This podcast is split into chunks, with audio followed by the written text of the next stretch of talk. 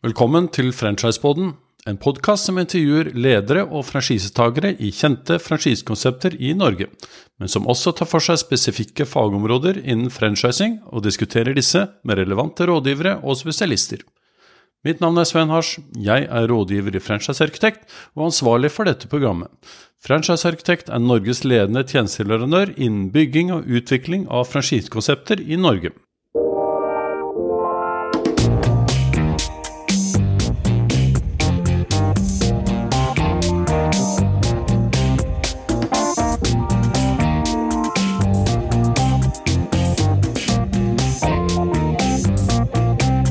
Denne episoden skal vi bevege oss inn i en veldig kompleks og konkurranseutsatt bransje, nemlig kjøkkenbransjen. Vi skal snakke med administrerende direktør Are Jentegård i Kvikk Norge. Denne aktøren er en av de mest fremadstormende i sin bransje, og har evnet å tilby sine franchisetakere en spennende, men også krevende forretningsmodell. Vi gleder oss til å høre mer om Kvikks franchisemodell. Med meg som programleder har jeg Solveig Kvam, senior rådgiver i rekrutteringsselskapet Kappa. Da ønsker vi velkommen til en ny podkast, og denne gangen så skal vi snakke om en bransje som mange har et veldig jeg, nært forhold til, og hvor det tas mange viktige beslutninger, eh, og store beslutninger. Og I den sammenheng så har vi gleden av å ha Are Bjøntegård fra Kvikk her. Velkommen. Jo, tusen takk. Og I tillegg så har vi også Solveig Kvam fra Kappa, som er min eh, medprogramleder. og Vi skal bevege oss inn i dette ja, nesten si spennende og kanskje litt farefulle valget da, om kjøkken. Jeg bare lurer på, Når man snakker om biler, så sier man jo tradisjonelt at det er mannen som bestemmer. Men så viser det seg jo egentlig at det er kvinnen som bestemmer. Og spørsmålet, Hvordan er det med kjøkken? Er det opplagt at det er kvinnen som har det siste ordet her, eller er det noe sånn overstyring? Nei, nå har jeg en historikk tilbake igjen fra møbel- og interiørbransjen, og der er det nok i stor grad kvinnen som initierer i hvert fall kjøpene. Uh, og det er nok litt det samme også på kjøkken, selv om kjøkken også byr på diverse gadgets, som i aller høyeste grad er et mannsønske. Ikke sant? Ja, så det, det, vil si at du kan bestemme kjøkkenet så lenge jeg får en espressomaskin? Det er nok litt, litt, sånn det er. Eller er det slik at uh, det har endret seg sånn type uh, besteforeldre, da var det bare mor som bestemmer, men nå er det mer, kall det demokratisk? Jeg tror nok vi er inne i en, en, tid hvor det å være mann og si at man er interessert i interiør og slike ting, den er nok mer lovlig nå enn hva det var for noen år tilbake. Ikke sant. Det, det skal vi være glad for, tror jeg. Og uh, Are, hyggelig at du er kommet dit. og Hvor, hvor kommer hvor har du vokst opp hen? Du, for å, for å, ta den veldig raskt. Jeg har bodd veldig mange steder i Norge. Men jeg, jeg tar Reodor Felgen-løsningen og sier at jeg er født på Tynset som Solan Gundersen, og sånn Oi. sett så trives jeg overalt. Så bra. Ja, ja, det, og hvor er nå, Kvikk, hvor er det de holder til? Du, Vi har et, et norgeskontor i Oscars gate i Oslo. Eh, og så har vi jo selvfølgelig 27 butikker godt spredd i Norge.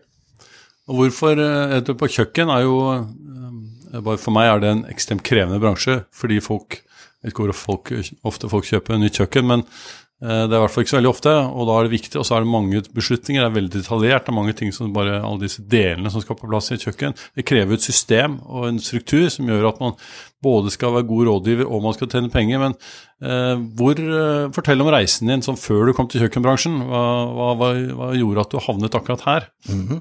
Jeg startet eh, min karriere selvfølgelig med en bakgrunn fra, fra Norges markedshøgskole og, og, jobbet deretter i en rekke merkevareprodusenter som Can og Sony og Packard Bell. Og så gjorde jeg en, eh, en overgang til, eh, til, møbel- og interiørbransjen for om lag ti år siden.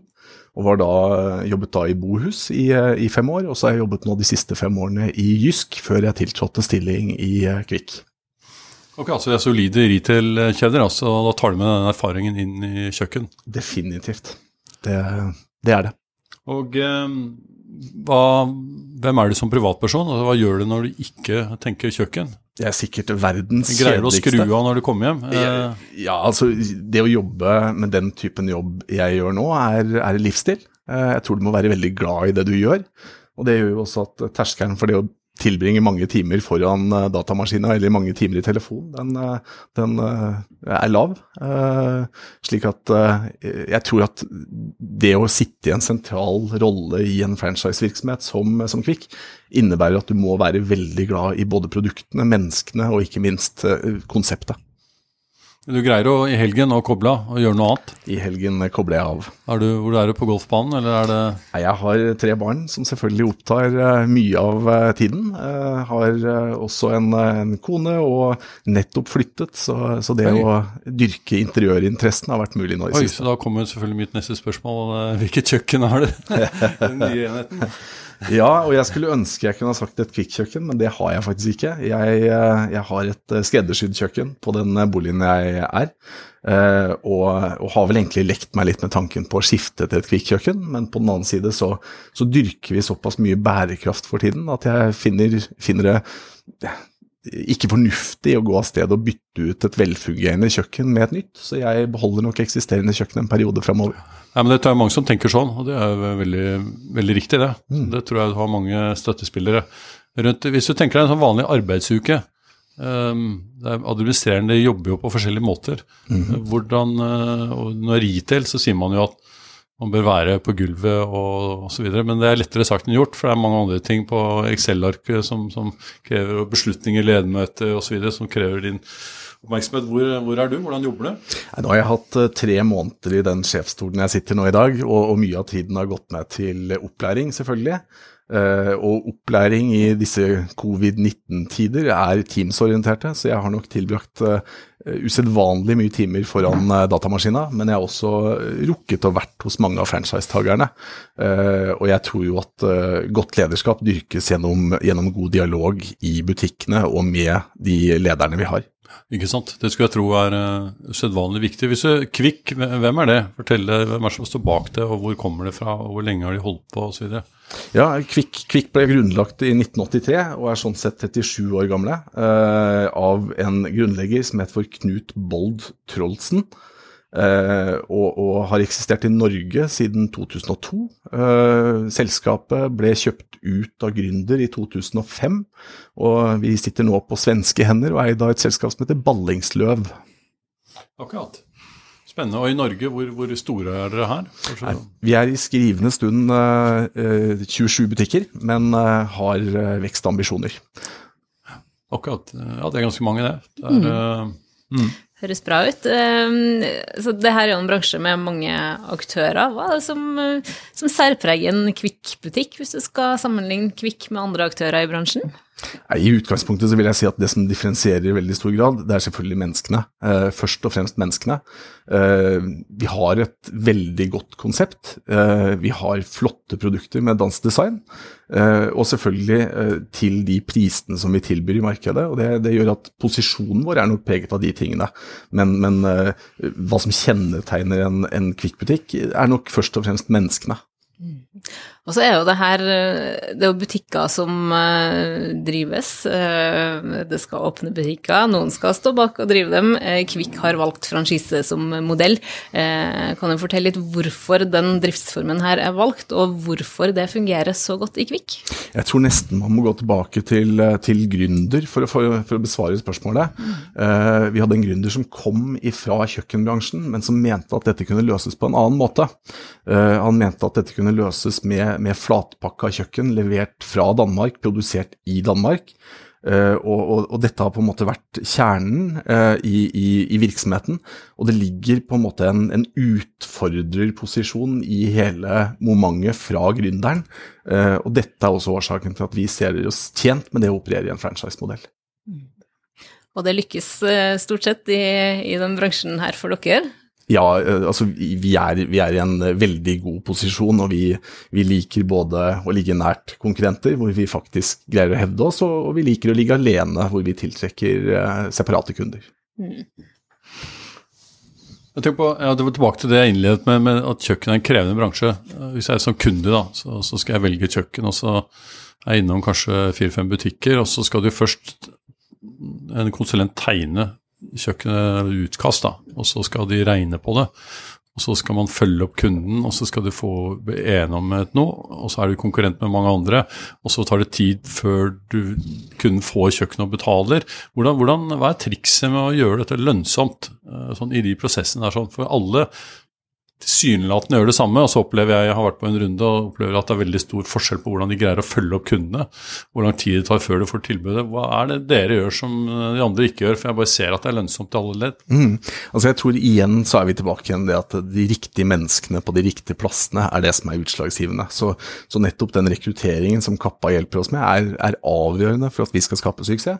Vi må ha en, en uh, markedsorientert tilnærming. Uh, kundene er vår øverste sjef. Og, og, tross alt så står vi i en særstilling, fordi vi får lov å være med og påvirke kanskje det viktigste rommet i, i hjemmet. Uh, som setter premissene for veldig mye av resten av det hjemmet som man lever i. Akkurat, og Hvis jeg da skal begynne som franchisetaker, så, så hvem er det som eier hva? Altså Jeg ser de butikkene er ganske store, og det er, det er mye kjøkken der, nær sagt. Men det koster jo penger. mm. Så jeg satser jo på noe, og så må jeg bygge opp et volum. Så kapitalbehovet, er det, er det, stort, eller er det dere som eier det, eller er det de som investerer i det? Uh, det er franchisetaker selv som eier både, både leiemålet og utstillingene og varelageret. Eh, det vi eh, byr inn på, det er selvfølgelig opplæringen og selve infrastrukturen og produksjonen i bakkant. Så, så investeringen fra en franchisetaker vil kanskje være halvannen mil til to mil eh, for å gjøre en god oppstart. Heldigvis så etableres det rimelig hurtig en omsetning i de butikkene vi har etablert, slik at, slik at man får avkastning på den kapitalen man spytter inn. Så er det vanskelig for folk å hente inn halvannen til to millioner, har du noe erfaring med det? Nei, altså erfaringsmessig så, så i Norge så vi jo, har vi hatt en boligprisvekst som har vært formidabel den senere tid, og det gjør at uh, ofte så greier man å hente ut kapital fra egen bolig. Nettopp, ikke sant. Og hvor lange kontrakter er det, sånn eh, røftlig? Vi opererer stort sett på femårskontrakter. femårskontrakter. Ja, ikke sant. For når du investerer halvannet til to millioner, så har du fem år å, å forholde deg til. Men da er det en franchiseavgift, er det en prosent av omsetningen, eller er det, hvilken eh, modell er dere Vi opererer med en, med en prosent av omsetningen. Mm. Um, når du har åpna butikken din, um, det er jo noen tjenester som må kobles inn i bildet eh, når du skal selge kjøkken. Eh, vi snakker jo om montør, eh, kanskje primært monteringstjenester, men også vet man jo at det må, må, være en elektriker til stede, det må ofte være en rørlegger. Er det her tjenester som er viktig å ha med i bildet? Hvor stor frihet har driver til å, til å velge hvordan man skal gjøre det? Altså, Det å finne håndverkere dreier seg om lokalt kjennskap. Eh, ofte så er det stor forskjell på det man kan få gjennom nasjonale avtaler, og det man får lokalt. Eh, så vi oppfordrer jo i, i, veldig stor grad til å bruke gode lokale håndverkere for å levere den typen tjenester. Eh, det er ikke nødvendigvis sagt at rørleggerkjeden eh, leverer bedre rørleggertjenester enn den lokale eh, rørleggeren på hjørnet. Nei, og så er det jo noe med at når, når håndverkerne går ut til kunden som har kjøpt et Kvikk-kjøkken, så står det jo egentlig Kvikk på ryggen til håndverkeren, og det er jo kanskje viktig å ha solide aktører med seg i det leddet også? Helt klart. Vi er, vi er veldig avhengig av gode leveranser også, også i siste ledd. Mm. Eh, og så er det jo sånn, Are, at vi har jo samarbeida med deg en stund nå. Selv om du er ny, så har vi samarbeida i noen måneder om rekruttering. Du kom tidlig på i de prosessene vi jobber med akkurat nå. Mm. Eh, så vi er jo litt nysgjerrige på, på, hva dere tenker rundt rekruttering av franchisetagere og, og ellers? Ja, i, i utgangspunktet så, så, har vi to pågående prosesser nå med, med rekruttering. Eh, forhåpentligvis så står vi eh, vesentlig nærmere en, en, lukking av de når vi nærmer oss eh, jul. Eh, men det kommer nok til å komme eh, oppfølging med nye prosesser. Eh, vi ser jo det at vi har jo langt ifra full dekning i Norge, og sånn sett så, så mener vi det ligger et potensial til å utøke både med totalt 30, 40 og 50 butikker. Så, så, vi kommer nok til å passere 30 allerede i eh, første kvartal 2021. Mm. Men når du møtte kandidater, du har jo møtt noen kandidater her for, eh, ja, eh, som er ny til kjøkkenbransjen bl.a. Du har snakka med mange ulike drivere. Og når vi snakker med, med, kandidater som vurderer å starte sin egen kjøkkenbutikk, det er litt uavhengig av hvor i Norge det er, så får vi ofte en, en, fil på at man er litt nøktern til å starte opp en type kjøkkenbutikk, fordi at det alltid er så veldig stor lokal eh, konkurranse. Eh, ja, uavhengig av om det er i Oslo eller Bodø eller Bergen eller Kristiansand. Mm. Eh, hvordan ser dere på det å ha konkurrenter i nærheten? Er det positivt, eller er det utfordrende? Altså Generelt så, så det å stå i en konkurransecluster, som vi jo ofte gjør, er en positiv ting for Kvikk, fordi vi har eh, en tendens til å komme vinnende ut av, av store clustere. Uh, og, og, ironisk nok så er det jo sånn at hvis du først søker et kjøkken, så ønsker du jo gjerne å, å, undersøke flere alternativer. Så det å ligge i samme område er en positiv ting. Hva gjør dere da for å, for å eh, sørge for at det er hos Kvikk avgjørelsen tas? Ja, da dyrker vi selvfølgelig de konkurransefortrinnene vi har. Vi har supert dansk design eh, som er top notch. Vi har bærekraftige produkter. Eh, selvfølgelig de riktige menneskene til å selge. Eh, konkurransedyktige priser etc.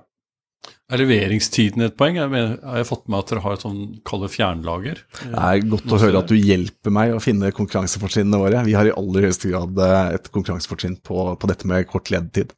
Uh, vi kan vel faktisk levere et kjøkken på 14 dager, og det er vi vel uh, rimelig alene om å kunne gjøre i, i den spesialistdelen av kjøkkenbransjen.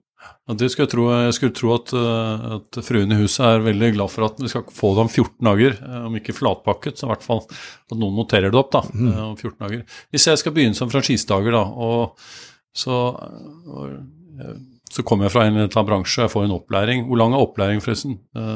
Du, eh, Opplæringen av selve franchisetakerne er jo en pågående prosess. Jeg, jeg, tror jo aldri man stopper å lære. Eh, og, og Vi har jo innført eh, Great Place to Work-undersøkelser, som nettopp er for å, for å, understøtte at du har en kontinuerlig læring. Men, men altså vi, har, vi, har, et eksempel nå med, med Per Gunnar i Kristiansand, som er en mann som nå har vært hos oss i omtrent 24 måneder. Som leverer fantastiske resultater, og har gjort det egentlig fra dag én. Så, så opplæringsbiten. Eh, vi leier, leier våre franchisetagere en periode, og så slipper vi dem. Eh, og, og, det avhenger veldig av person. Eh, I dette tilfellet så har vi hatt en, en franchisetager som har vært lønnsom fra dag én. Vi har jo fått tilbakemelding om når vi presenterer konseptet, så sier vi jo òg litt om onboardingsfasen. Både før man blir franchisetager, og også i overtagelsesperioden, men også i en ganske lang fase etter etter at man har tatt over sin egen butikk. Mm. Eh, og det virker jo utrolig proft, og det virker Altså, vi har ikke sendt en eneste kandidat til Danmark som kommer tilbake og er skuffa over å ha vært der. De føler seg så varmt ivaretatt.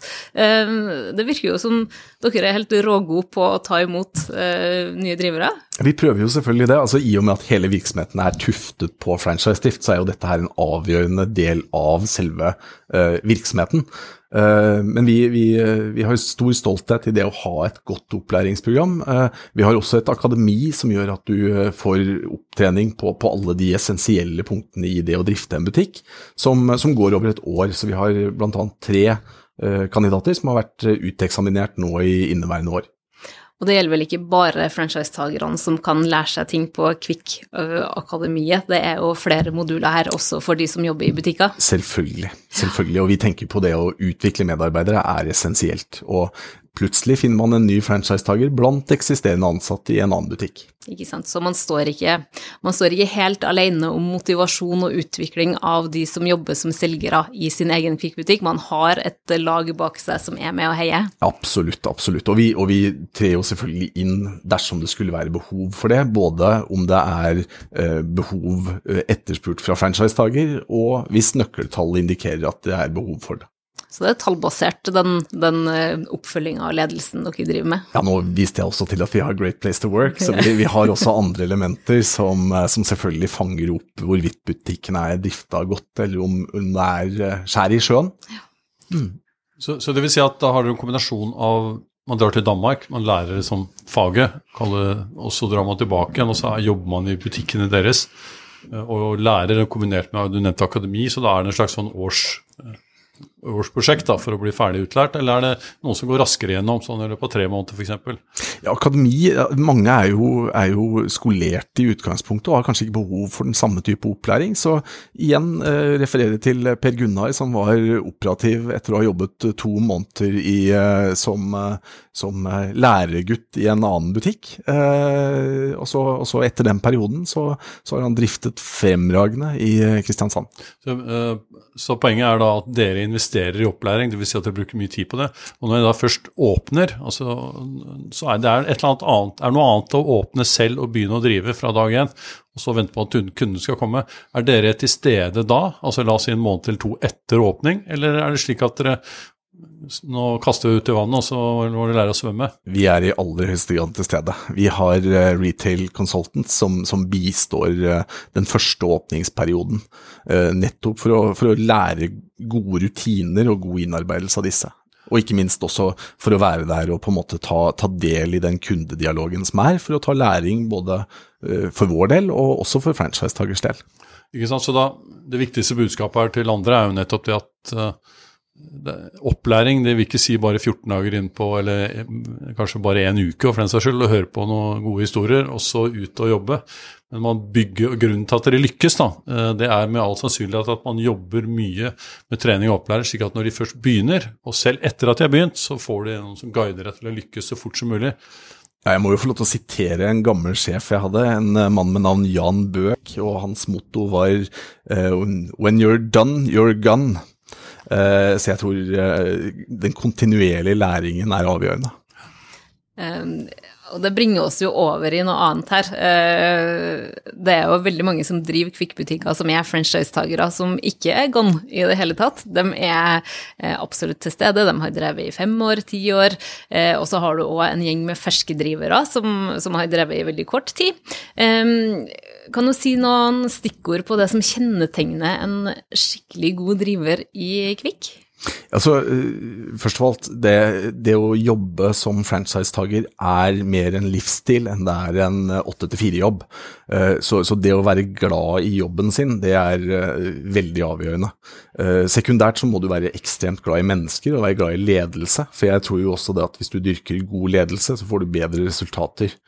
Eh, det å ha en varehandelsforståelse eh, er, er, også selvfølgelig en, en, fordel, men vi har jo også eksempler på mennesker som kommer fra helt andre bransjer, eh, servicenæring etc., som, som, har hatt stor suksess. Så, så det er ikke nødvendig Det er ikke en være eller ikke være, for å si det på den måten.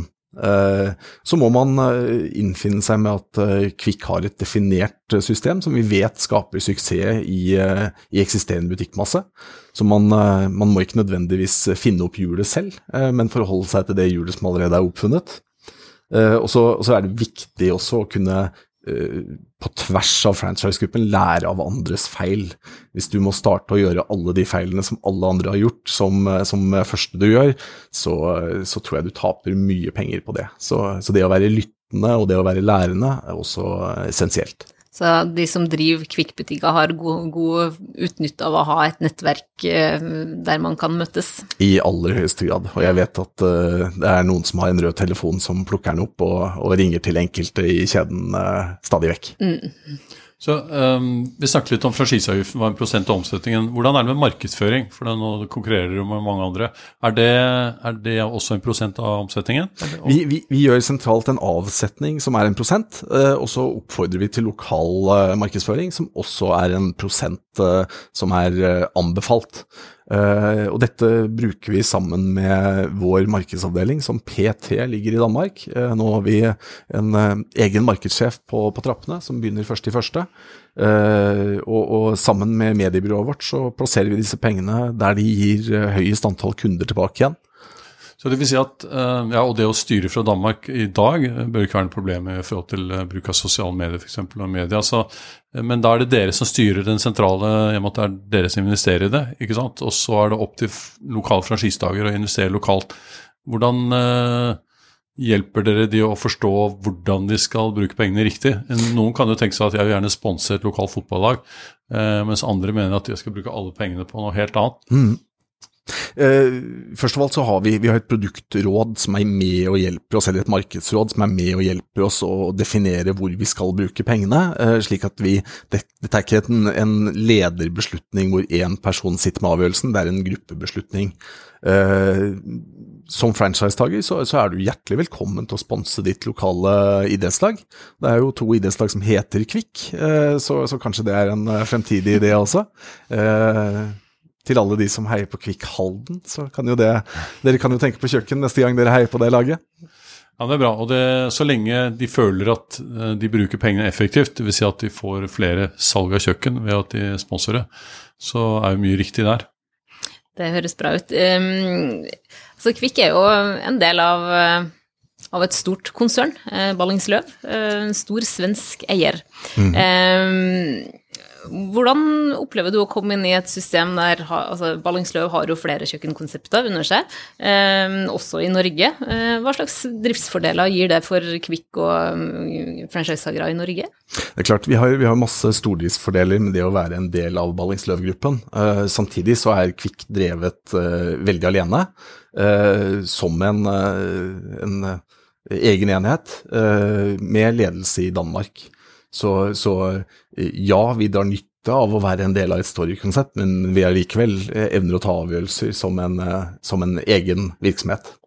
Når jeg, når jeg, ser på i sosiale medier, på LinkedIn f.eks., så, så legger jeg merke til en, en stolthet eh, på tvers av land i, i franchisekonseptet. Når du åpner en butikk i Barcelona, eller om du åpner en butikk i Belgia, så er det en stolthet eh, som er der når du ser dem som eh, står utafor, klar til å åpne butikken sin.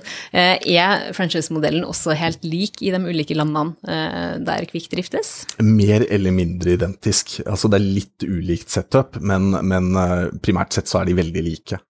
Uh, og, og, i Norden så er de vel mer eller mindre harmonisert nå. Høres bra ut.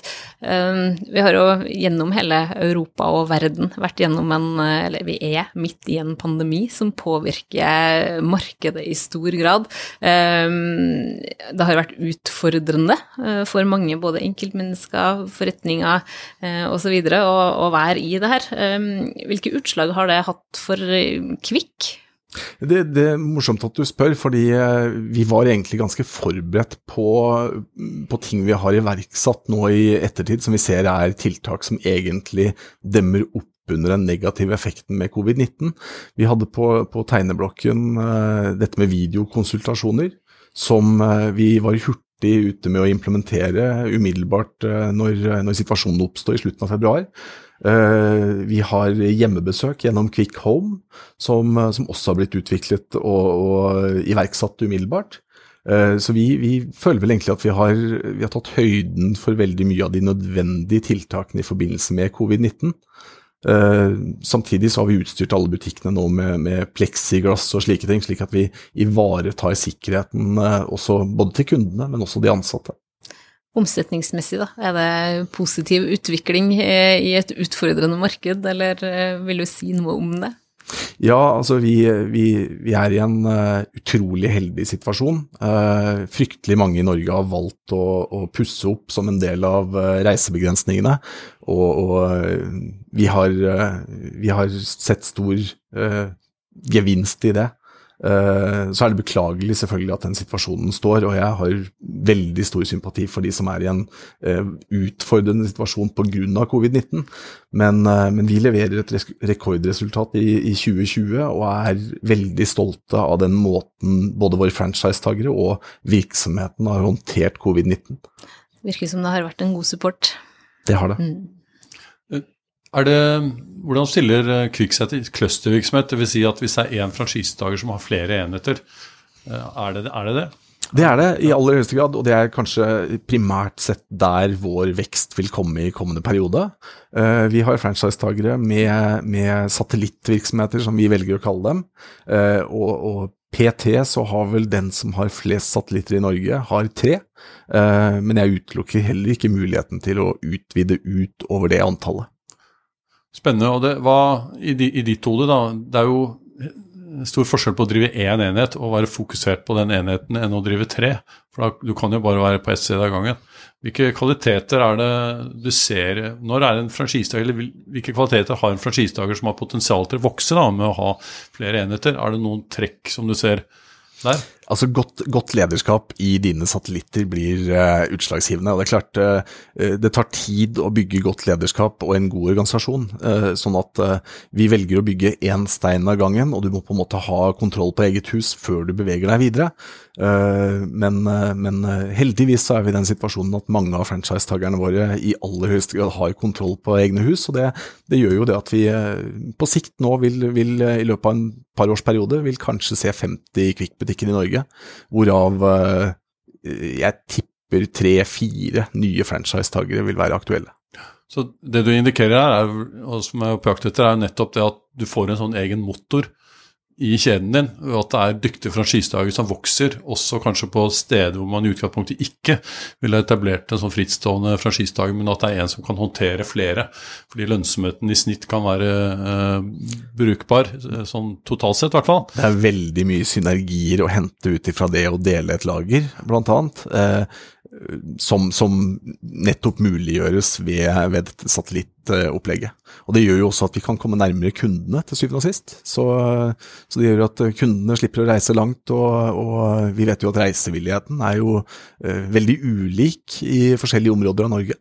Kan jeg, kan jeg, bestille hele kjøkkenet mitt på nettet, eller er det slik at jeg må, eller bør, snakke med en konsulent som forteller meg hvordan ting skal være? Du kan nok snart bestille hele kjøkkenet på nettet, men uh, samtidig så du sier må, bør. Du bør nok i aller høyeste grad både vite noe om kvalitetene. Uh, et kjøkken er ikke et kjøkken, og, og, selv om kjøkkenet kanskje ser ganske likt ut, så kan det være veldig store kvalitetsforskjeller. Så vi ønsker selvfølgelig å invitere de fleste kundene inn til å, til å på en måte ta og føle på produktene, slik at avgjørelsen er riktigst mulig.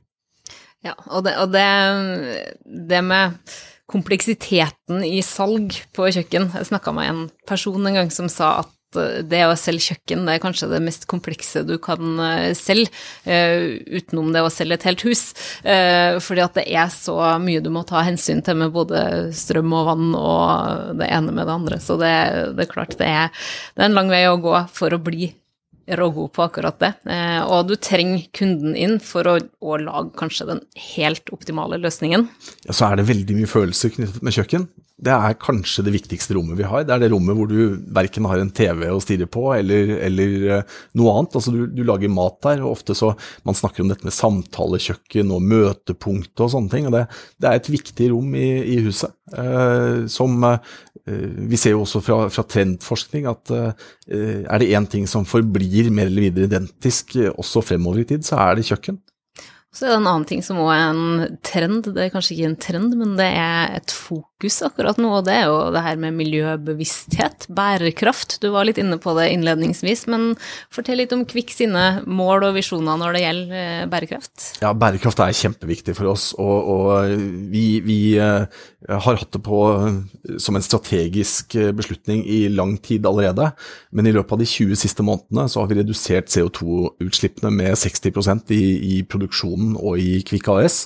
Eh, vi kommer til å jobbe nå videre mot det å ha eh, CO2-nøytralitet i løpet av 2022, eh, og lanserte her nå tidligere i høst to nye kjøkken som er basert på resirkulerte plastflasker, og er også sånn sett CO2-nøytrale.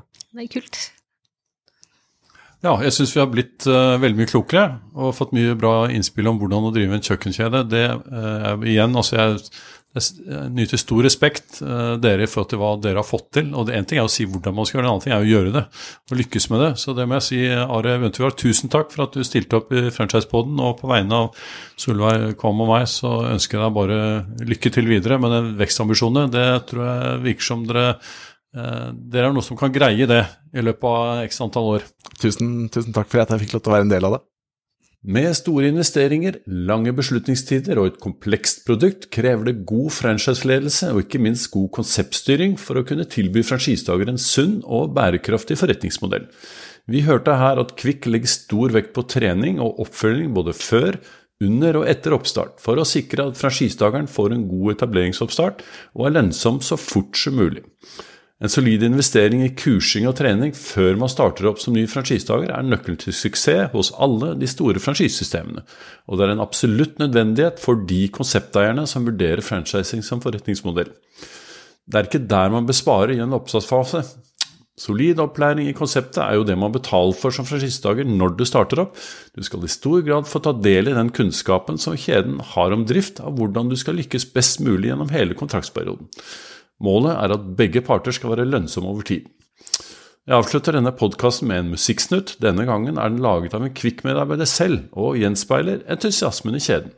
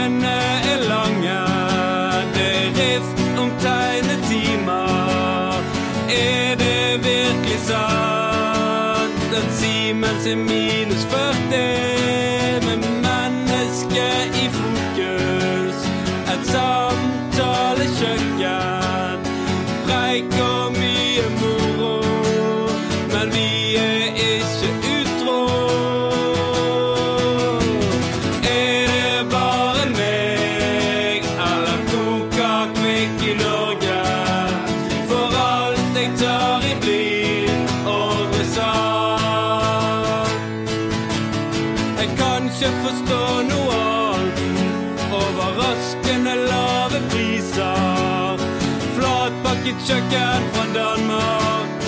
Norge er vår jaktmark, og dagene er lange. Det er rift om tegnetimer. Er det virkelig sant at Siemens er minus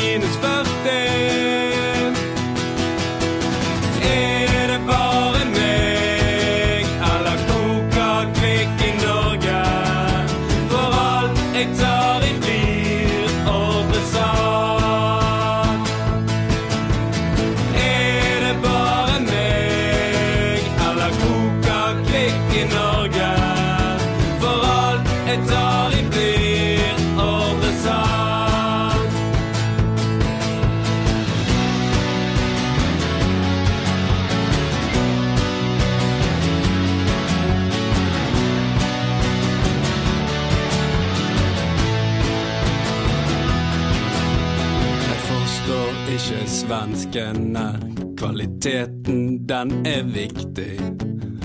Kom inn, ta en kaffe, og la oss gjøre jobben. Blir det Tinta eller Prato X? Det spiller ingen rolle. Du får et skamdig kjøkken. Ole Martin, han vil sikle.